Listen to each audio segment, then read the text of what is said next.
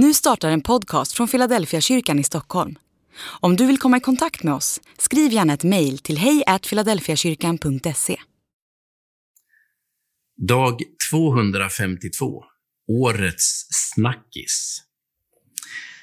Det är en vågad scen som utspelar sig i Simons hus.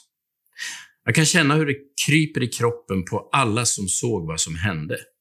Jag skulle känna samma typ av obehag om samma sak hände idag. Det är tydligt att kvinnans uppenbarelse skickar tydliga signaler till alla närvarande. Hon beskrivs som synderska, vilket förmodligen betyder att hon var prostituerad. Gissningsvis var hon klädd eh, för att demonstrera sina fysiska företräden. Kanske var hon hårt sminkad. Under alla omständigheter visste alla vad hon i vanliga fall sysslade med när hon mötte män. Jesus säger att hon har hållit på med hans fötter ända sedan han kom. Det betyder att hon har grejat med hans fötter, gråtit, gnidit och masserat ett bra tag i allas närvaro. Först har hon blött ner hans fötter med sina tårar. Även om man störtgråter måste det ta ett bra tag att blöta upp två fötter i storlek 43 med hjälp av bara tårar. Sen har hon torkat fötterna med, med sitt hår.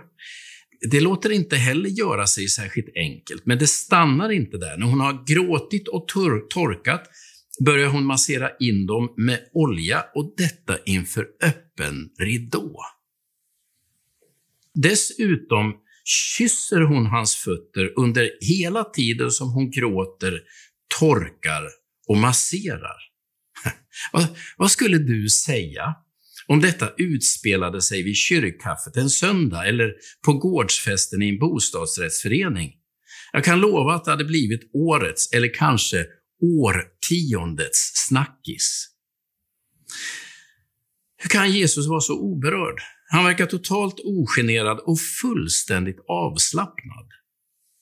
Alla i rummet verkar uppleva situationen plågsam på gränsen till outhärdlig, men inte Jesus.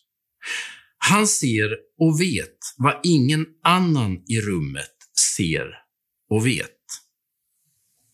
De andra i rummet kan bara göra som vi människor brukar göra.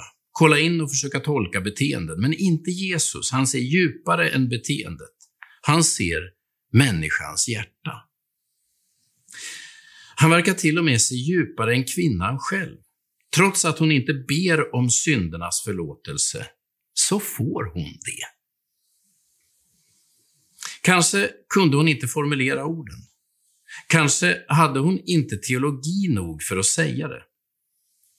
Men Jesus summerar hennes beteende i precis motsatt riktning mot hur jag skulle tolka det. Ja, Simon och kompani ser en kvinna som bryter tabun och går över gränsen.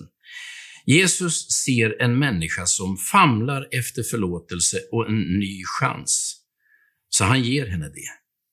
Hans syn är bättre än min. Tack och lov.